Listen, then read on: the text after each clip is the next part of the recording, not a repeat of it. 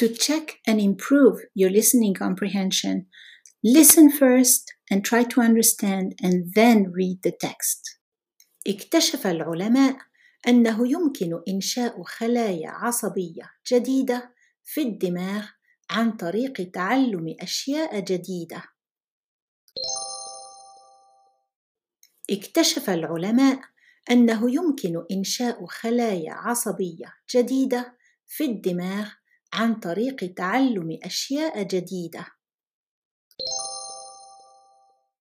Scientists have discovered that new neurons can be created in the brain by learning new things.